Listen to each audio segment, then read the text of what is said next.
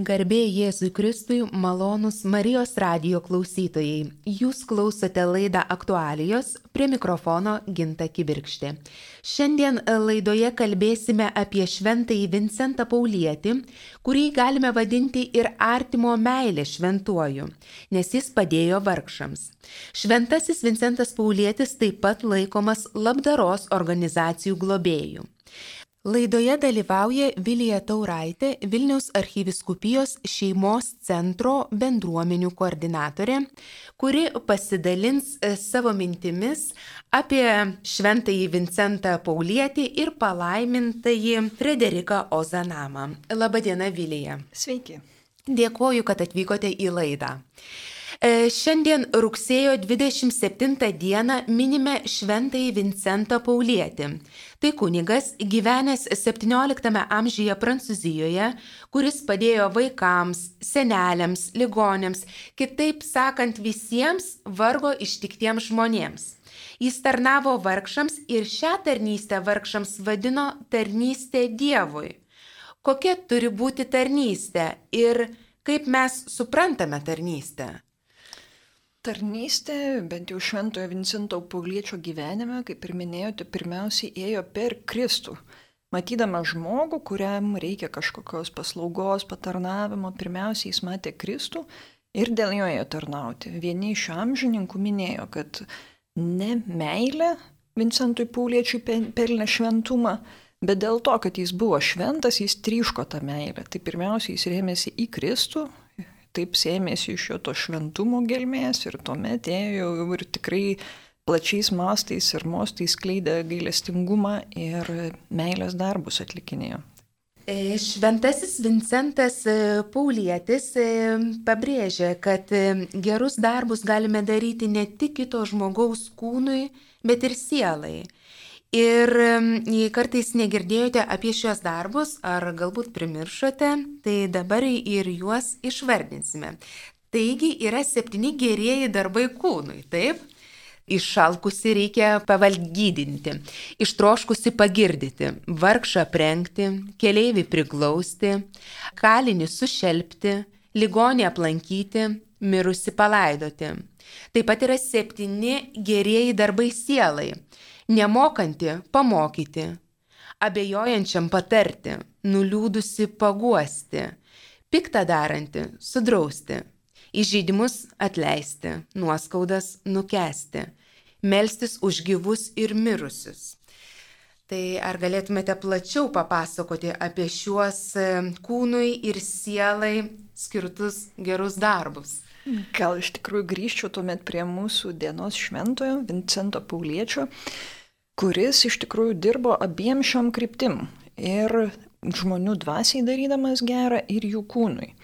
Gal truputėlį paties šio šventojo istorijos. Jis gimė 1581 metais ir pirmiausiai, kadangi gimė valstiečių šeimoje, iš viso buvo šeši vaikai, šeima gana gausi, Tai jis tiesiog kaip daugelis jo bendramžių gyvenančių aplinkui, ganė tai avis, tai keulės, tai karvės, tiesiog pemenukas buvo, bet turėjo ir išskirtinių protinių, intelektinių gabumų. Taigi tėvai jį siuntė į mokyklą su mintimi, kad galbūt jis tiesiog galės labiau paremti šeimą ateityje materialiai.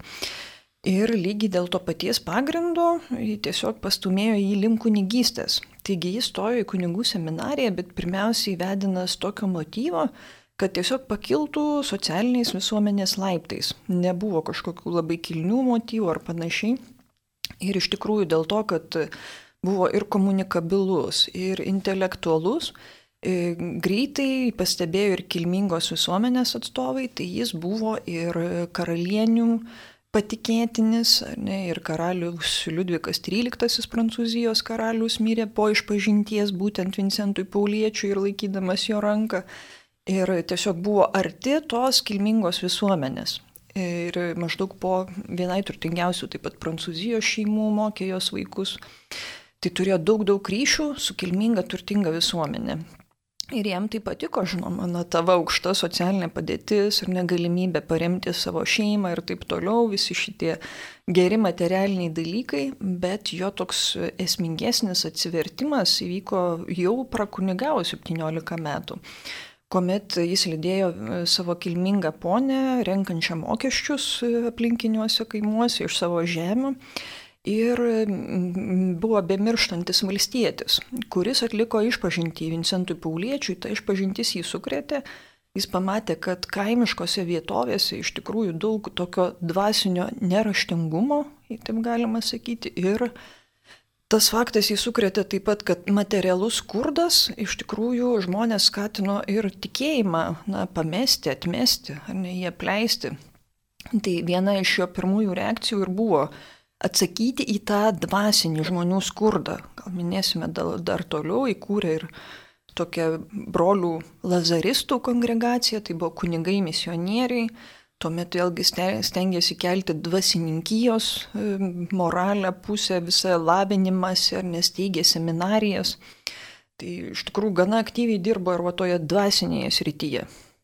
Pirmąją Šventojo Vincento Pauliečio draugiją XIX amžiaus pirmojoje pusėje Prancūzijoje įsteigė Frederikas Ozanamas. Ir pasak jo, išmalda nėra vien ekonominė būtinybė ją gaunančiam, bet ir dvasinė būtinybė ją duodančiam. Gal galite išplėsti šią mintį? Na, iš tikrųjų, tas, kuriam trūksta duonos, tai gurgė, sakykime, jo skrandis, ne, ir jis gavęs tos duonos bus pamaitintas.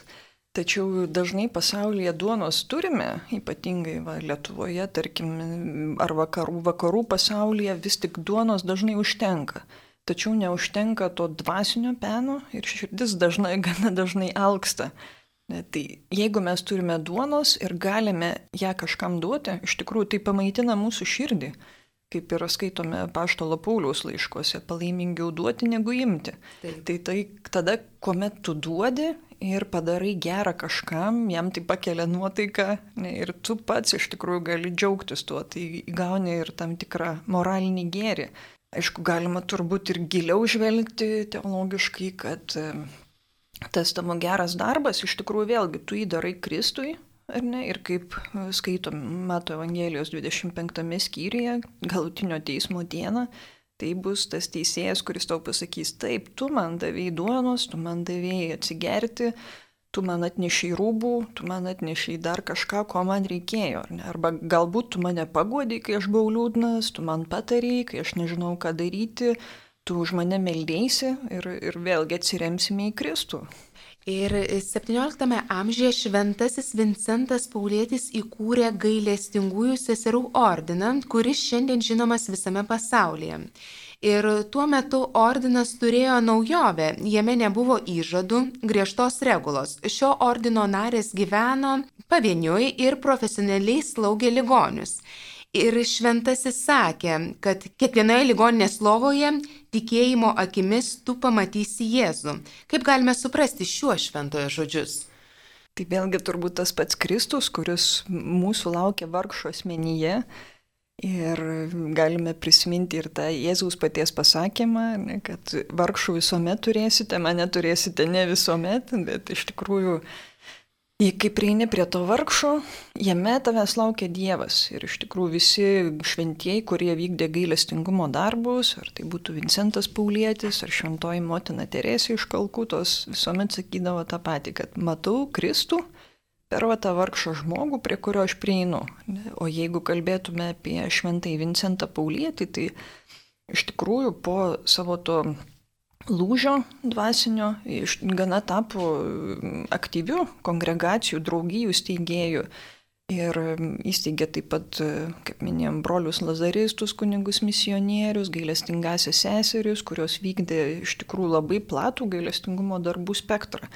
Gal norėčiau čia paminėti ir tą aspektą, kad mm, šalia benamių, našlaičių vaikų, kas buvo labai platus jų darbo laukas, ligonių, neturtingų šeimų lankymo. Tai Vincentas Paulietis buvo vienas iš pirmųjų apskritai, kurie susirūpino psichinių ligonių, ar ne, būtent likimu. Ir kaip vadina, tais bepročiais pradėjo rūpintis, ne, ir kaip žiūrėjo juos pasaulis tuo metu. Tai iš tikrųjų buvo didžiulė, didžiulė naujovė. Ir, kaip minėjote, seserų vienuolijos įkūrimas, kurie, kurios buvo paštalaujančios, kurios negyveno e, klauzūroje, neturėjo bitų, bet tiesiog, kaip Vincentas Paulėtis joms ir sakė, išleisdamas į, į tuos apaštalavimus, kad jūsų apaštalavimo laukas yra gatvės, ne, kur jūs eisite mylėti Kristų ir jam nešti savo meilę ir, ir savo gėrį. Taip pat, kuo Vincentas Paulėtis buvo unikalus ir Tie ryšiai su kilmingaja, turtingaja visuomenė jam leido suvienyti šituos du pasaulius. Turėjo tokią gailestingojų ponių draugiją taip pat. Tų kilmingų ponių, kurios turėjo finansinių išteklių ir turėjo gailestingą širdį. Kitoje pusėje turime tų vargšų, kurių yra visada nuolat ir ar ne, kiek tu juos bešelptum, jų vis tik vis tiek yra. Ir Vincentas Paulėtis suvienijo šios du pasaulius. Taigi viena pusė galėjo duoti ir realizuoti savo jėgas, savo finansinius išteklius, kita pusė buvo pamaitinta, pasotinta, e, apgyvendinta, tiesiog našlaičiai vaikai buvo išlaikomi ir panašiai. Tai labai gražu, kad šitie du visuomenės sluoksniai, tarp kurių lyg ir žiojėjo pra, didžiulė praraja, šitas šventasis įnešė va tokį jungiantį tiltą ir net ir pačią visuomenę, galima sakyti, ta, ta, ta, taikė tarpusavyje ir, ir statydino dar tvirčiau, ar ne, per tą Kristaus meilę, per meilę vargšams. Šventojo Vincento Pauliečio bendruomenė veikia ir Lietuvoje. Visi norintys gali prisijungti prie Vincentiečių veiklos. Ir veiklų yra įvairių, galima teikti materialinę ar moralinę pagalbą vargstantiems, lankyti senus žmonės namuose ir ligoninėse, dirbti su apleistais vaikais, taip pat lankyti juos vaikų namuose. Ar jums teko prisidėti prie Vincentiečių veiklos, galbūt teko savanoriauti kitoje organizacijoje? Iš tikrųjų, asmeniškai teko labiau savanoriauti kitose organizacijose. Šiuo metu taip pat dirbu Vilnius arkiviskupijos karite užsieniečių integracijos programoje. Tai teko šiek tiek prisiliesti prie tų gailestingumo darbų ir iš tikrųjų pajausti, kad gailestingumo darbas, kurį tu darai kitam žmogui, ir tau gerą taip pat neša. Tavo gyvenimą skaidrina, tavo širdį atveria, tave pati daro švelnesnių geresnių, tos vertybės, kurias ypatingai mylėjo ir puoselėjo taip pat šventasis Vincentas Paulėtis. Švelnumas, nuolankumas, paprastumas, uolumas, tai buvo jo idealai. Ir sakė, kad šitais mažais akmenėliais, tokiais kaip švelnumas, nuolankumas, paprastumas, galima nugalėti tą ir pragaro galijotą. Tai iš tikrųjų. Žodžiu, savanorystė keičia žmogų.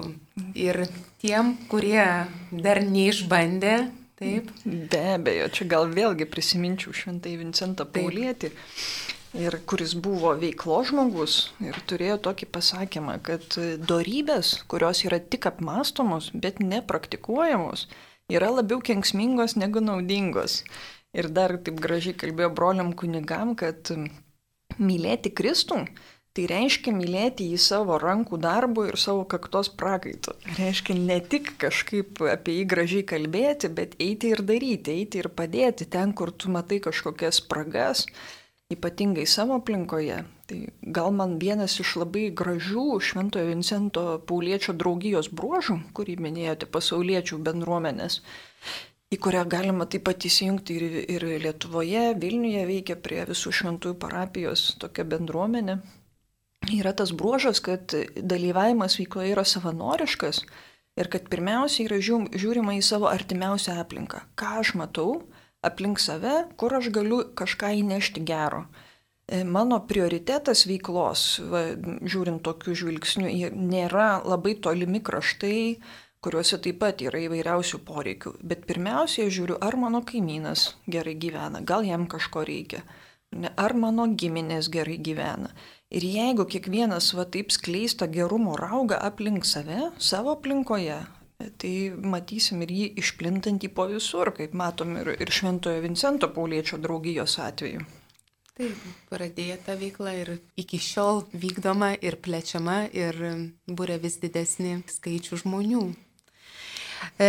Šių metų rugsėjo mėnesio išleistame maldinėlėje Magnificat publikuojamas jūsų straipsnis Palaimintasis Frederikas Ozanamas. Šį žmogų galime apibūdinti kaip XIX amžiaus Prancūzijos visuomenės e, šviesulį, kuris e, įsteigė pirmąją Vincento Pauliečio pasauliečių bendruomenę.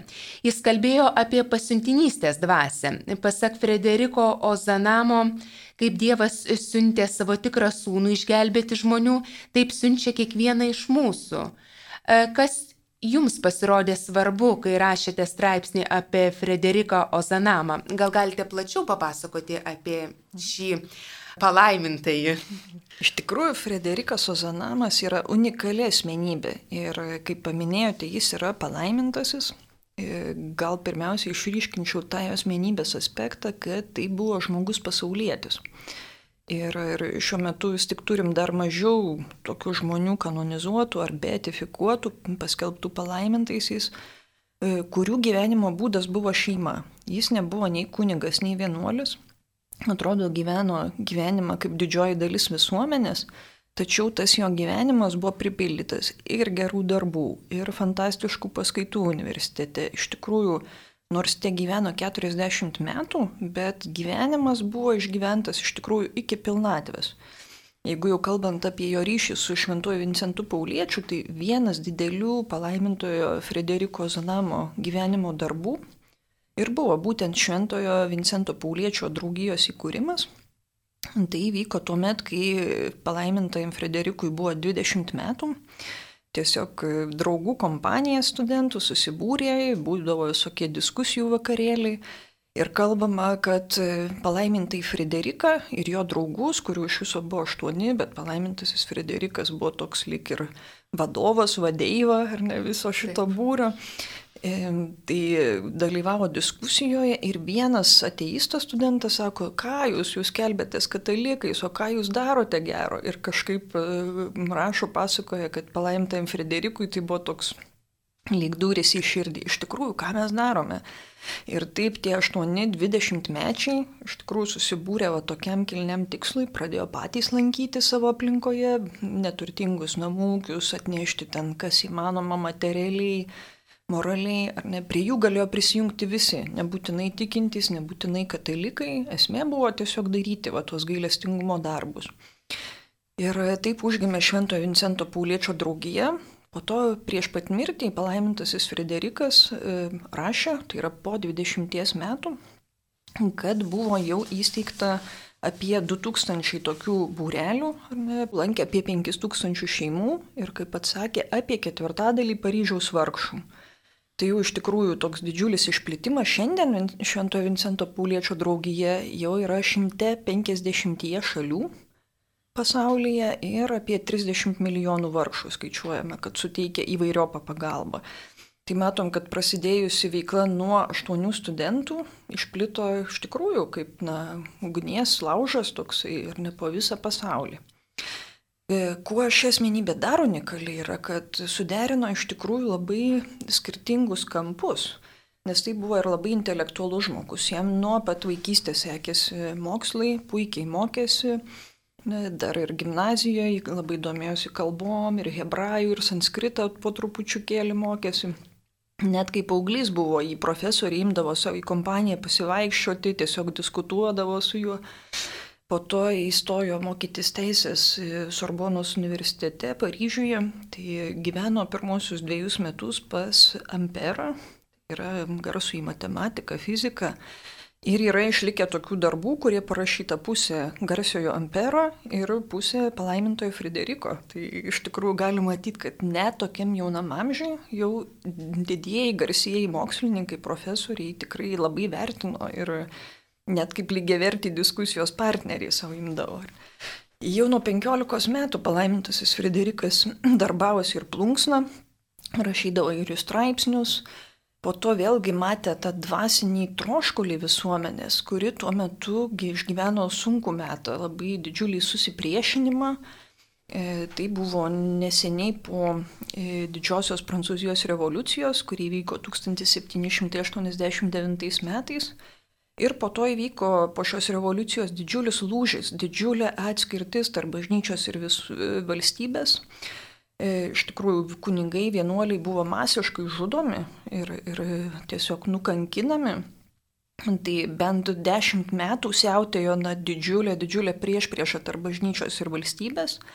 Ir palaimintasis Frederikas, na maždaug 50 metų po šios krizės, bet tie atgarsiai vis dar yra labai gyvi, kadangi, na, kankinystė bažnyčios narių tai vis tik jau yra labai rimtas dalykas. Ir visuomenės atmosfera, na, didžiulis susipriešinimas. Ir universitete ta pati atmosfera vyrauja. Bet e, palaimintojo Frederiko požiūris yra visada prieiti prie priešingai manančio su pagarba.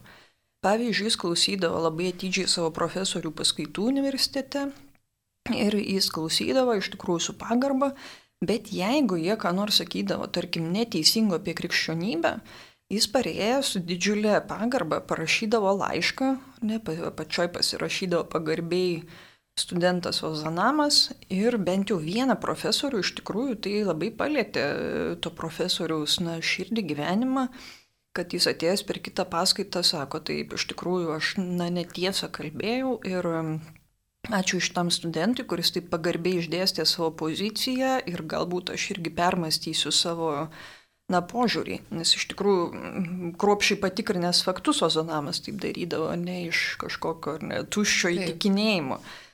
Ir man labai graži ta jo pozicija, kai, kai jis sako, kad e, išmokime atstovėti savo įsitikinimus be neapykantos mūsų priešininkams. Ir mylėkime tuos, kurie masto skirtingai negu mes. Tai labai buvo ryškus Frederiko Zanamo bruožas per visą jo gyvenimą. Po to užbėgant truputį už akių, tai jis ėmė profesoriauti Sorbonos universitete. Bet tai buvo vienas iš labai retų atvejų, kai profesorius universitete per visą gyvenimą ir labai atvirai savo paskaitose dėstė ir savo katalikiškas pažiūros. Tai jis tiesiog, na, oriai, paprastai, tiesiai išdėstydavo savo požiūrį, visada gerbdavo savo priešininką, niekada nesityčiodavo jokio pykčio, jokio kartėlio, jokių blogų žodžių, bet savo poziciją vatramiai tiesiog atstovėdavo. Mhm. Na ir iš tikrųjų, šiandien, manau, mums yra labai aktualu e, visuomenėje dažnai kitokia nuomonė yra negerbiama, kritikuojama, aršiai kritikuojama, šališkai ir priimti kitą, kitaip mąstantį, su pagarba, na, iš tikrųjų turėtume dar mokytis, taip. Didelė vertybė, ko gero, ir kaip minėjote, vieni iš gailestingumo darbų sielai ir yra nukesti įžeidimus, nuoskaudas, taip. pakesti su kantrybė ir švelnumu. Tai irgi na, nemenkas darbas kartais. Išmokti.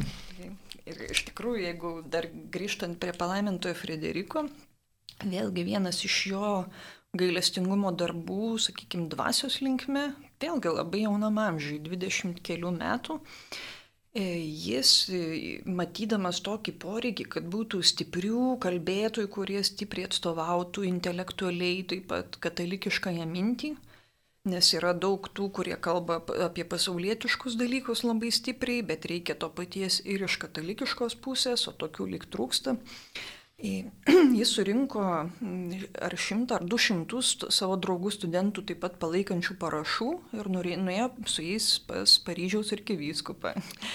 Ir paprašė įsteigti na, tokį rekolekcijų lyg formatą, kuris vyktų garsioje, garsioje Paryžiaus Dievo motinos katedroje, kiek tik įmanoma atviriau visai visuomeniai. Ir iš tikrųjų net nepavyko iš pirmųjų metų Zanamui pasiekti, kad būtų pradėtos tokios rekolekcijos, kažkaip likte nuslydo tas reikalas ar ne kažkur buvo pamestas. Tai jis net lyžo vis tik ir dar kitais metais vėl surinko šimtus studentų draugų parašų palaikančių ir iš antro karto taip pavyko įtikinti arkivyskupą Ir tai buvo pradėtos garsiosios Paryžiaus Dievo motinos katedros gavėnios rekolekcijos, kurios vyksta iki dabar. Tai vėlgi beveik 200 metų prabėgo, o tai vis dar vyksta. Ir ten tiesiog rinktiniai katalikiškos minties kalbėtojai susirenka ir, ir, ir pristato savo mintis. Tai iš tikrųjų vėlgi matom ir labai aktyviai lanko vargšus, ne, kurių ir, ir dirba to dvasios kelimo linkme. Iš tikrųjų, gal net ir iš tėvų Frederikas Ozanamas kažkiek paveldėjo tą labdaringumo gyją, ne, nes kalbama, kad ir jo tėvai jau ir link senatvės būdami lankydavo vis dar vargšus ir jau dėl sveikatos būklės prastėjimo vienas kitam tėvukai drausdavo jau eiti pas vargšus, bet kartais susitikdavo kokiame ketvirtame aukšte ar net palėpėje, kur jau drausdavo vienas kitam lipti dėl tos sveikatos. Bet kartais sutikdavo vienas kitą, belankantis kokią neturtingą šeimą. Tai Frederikas Ozanamas nenuostabu, kad tokioj dirboje išaugęs irgi po to labai smarkiai pakrypo į tą gailestingumo darbų kryptį. Dėkui už tokį išsamų atsakymą apie palaimintąjį Frederiką Ozanamą. Kas negirdėjo, taip pat gali ir paskaityti daugiau maldinėlėje Magnificat apie Frederiką Ozanamą. Ir dar e, vienas svarbus Šventojo Vincento bendruomenės veiklos principas yra gailestingumas. Palaimintasis Frederikas Ozanamas kalbėjo, gailestingumas papildo tai, ko trūksta teisingumui.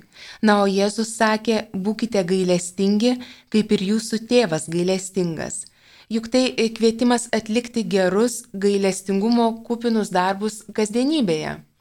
Gal porą istorijų dar prisiminčiau iš palaimintojo Frederiko gyvenimo, kaip Taip. jis pats e, darė. Ne? Nes vėlgi tai buvo intelektualų draugas ir net lietuviams, ko gero dažnai girdėti, yra Lakordero pavardė. Tai taip pat buvo Frederiko Zanamo draugas, jis neilgai po jo mirties parašė biografiją šio palaimintojo. Tai pasakojo tokius porą atvejų kai Frederikas Ozanamos buvo apgautas vieno italo, kuris vis eidavo išmaldos, bet tiesiog apgavo. Ir vėl pasibeldė į palaimintojo Frederiko duris, ką daryti, net ir palaimintasis Frederikas, būdamas šventas ir švelnus, jau yra truputį įpykęs ir tiesiog pavaro tą italą nuo durų savo. Bet po to graužia sąžinę ir sako, kas aš toks, kad atstumčiau tą, už kurį Kristus atidavė savo kraują man, kaip sakyt, pats blogiausias žmogus negali būti atsakyta tam net pačiam blogiausiam žmogui kasnelio duonos. Dėl to, kad tai yra kūrinys Dievo, kurį Kristus atpirko savo krauju.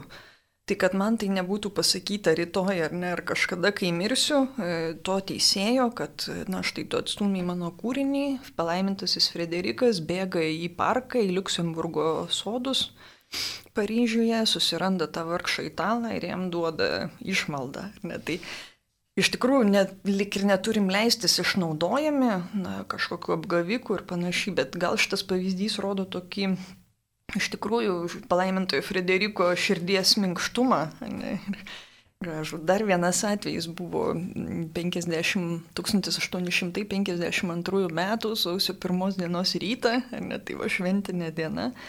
E, palaimintasis Frederikas sutinka tokią porą pagyvenusią, kurie į Lombardą turėjo atiduoti tiesiog savo vestuminę komodą, kuri jam ir, ir emociškai brangi ir visai kaip. Ir palaimintasis Frederikas labai paliestas šito įvykio iš tikrųjų na, norėjo atpirkti tą komodą ir atiduoti tai šeimai atgal. Palaimintojo Frederiko žmona, kadangi buvo vedęs vyras ir net jį įkalbėjo, kad, na, logiškai ir protingai mąstant čia taip nereikėtų daryti. Palaimintasis Frederikas sutinka, kad tikrai taip yra protingiau, bet visą dieną kaip žemė pardavęs ir niekaip ta nuotaika neatsiranda kad jau link vakarop e, žmona sako, žinai, eik atpirk tą komodą, duoda savo sutikimą, net tai palaimintusis Frederikas tiesių taikymų lėkia į Lombardą, atpirka tą komodą ir palydė netgi visą šeimą iki pat namų ir grįžta su didžiausiu džiaugsmu tiesiog namo. O kai pas jį patį vargšai ateidavo į namus, tai labai elgdavosi pagarbiai, sodindavo į fotelį, Ir kai ten išdavė apdalindavo dovanėlėm kažkokiam progom ar per Velykas, neskaitant to, kad nuolat lankydavo, tai pasakojame, kad netgi nusėmęs kepurę, nusilenkdavo, sakydavo, esu jūsų tarnas. Ne? Bet gal dar vieną bruožą norėčiau pabrėžti irgi iš palaimintojo Frederiko. Kaip žinom, jis turėjo šeimą, bet tos šeimos biudžete buvo numatyta pastovi išlaidų, išlaidų vargšams dalis - 10 procentų arba daugiau. Ir tai buvo nustatyta va, bendrų šeimos sutarimu. Ir numatant tą sunkumą, kad jeigu tu nenumatai iš anksto ir neatidedi, tai turbūt e, mažiau skiriasi, negu kad e, na, būtų tada, tas dešimtadalis. Tai vėlgi gal toks pavyzdys ir mums kažkuria prasme, kad galim suplanuoti, kad dešimtadalį savo išlaidų ar kažkurį procentą pagal galimybės, bet e, norėsiu atiduoti, paremti kažkokius gailestingumo darbus, kažkokiems geriems tikslams išleisti. Tai nebūtinai 10 procentų žinoma, bet palaimintojo Frederiko atveju tai buvo būtent tiek. Žodžiu, pavyzdys, kaip planuoti savo biudžetą ir skirti to biudžeto tam tikrą dalį geriems darbams. Tai pasirodo iš tikrųjų taip. Šiandien e, kalbame apie šventąjį Vincentą Paulietį, kurio širdis kupina gailestingumo ir kuris skyrė savo gyvenimą neturtingųjų globai ir ligonių slaugai. Kaip manote, šiandien Lietuvoje yra daugiau norinčių pagelbėti vargstantiems ar visgi daugiau pačių vargstančių? Vėlgi galim prisiminti tą Jėzaus pasakymą, kad vargšų visuomet turėsite su savimi, mane ne visuomet. Net tai atrodo, kad vargšų buvimas visuomenėje yra na, toks nuolatinis reiškinys. Ne, bet gal atliepdama jūsų klausimą pastebėčiau, kad iš tikrųjų tas gėris, kurį žmonės daro, labai dažnai jis yra tylus blogį matome ir žiniasklaidoje labai garsiai ir, ir visai kitaip, ar ne, tiesiog atrodo, kad jo labai daug. Iš tikrųjų, gerų darbų irgi tikrai yra, tik jie dažnai būna tylus. Ar žmonės iš kuklumo nenori skelbtis, ar ne, kiti gal ir nuopelnų nori pelnyti Dievo karalystėje, ar ne, tokiu būdu, kad tas darbas būtų atliktas tyliai. Ir labdaros organizacijos, kurios dirba taip pat. Dažniausiai tai būna tylus darbas, ne, nedaro jos didžiulių rinkodaros projektų pasiskelbti, kad štai mes čia tiek įvykdėme. Ir palyginti su tuo, kaip girdim kažkokias negatyves naujienas, tai tų gerųjų darbų balsas būna tylesnis. Bet tai yra veiklos balsas. Sakykime, nekalbėjimo, nereklamavimuose bet ėjimo ir veikimo. Štai ką ir propagavo ir šventasis Vincentas Paulietis, ir jo po to įkvėptas palaimintasis Frederikas Ozonamas, apie kuriuos šiandien kalbame. Eiti ir daryti, ne tiek kalbėti, ne, ne tik ten pūstis ar panašiai, bet būtent savo darbu, savo veikla ir tuo kaktos prakaitu prisidėti prie, prie visuomenės geresnio gyvenimo, iš tikrųjų. Na taip, dar ir bekalbant jums prisiminiau posakį, kad darbas žmogų puošia, puošia visomis prasmėmis. E, gerbiami Marijos radio klausytojai, šiandien studijoje kalbėjo Vilija Tauraitė, Vilniaus arkiviskupijos šeimos centro bendruomenių koordinatorė. E, pasakojo mums apie šventąjį Vincentą Paulietį bei palaimintąjį Frederiką Ozanamą. Jei svarstote e, apie galimybę savanoriauti, e, padaryti gerus darbus, netidėliokite, padarykite tai dabar. Su jumis studijoje buvau aš, Ginta Kibirkštė. Dėkojame jums, mėly e, radio klausytojai, kad buvote su mumis. Sudie.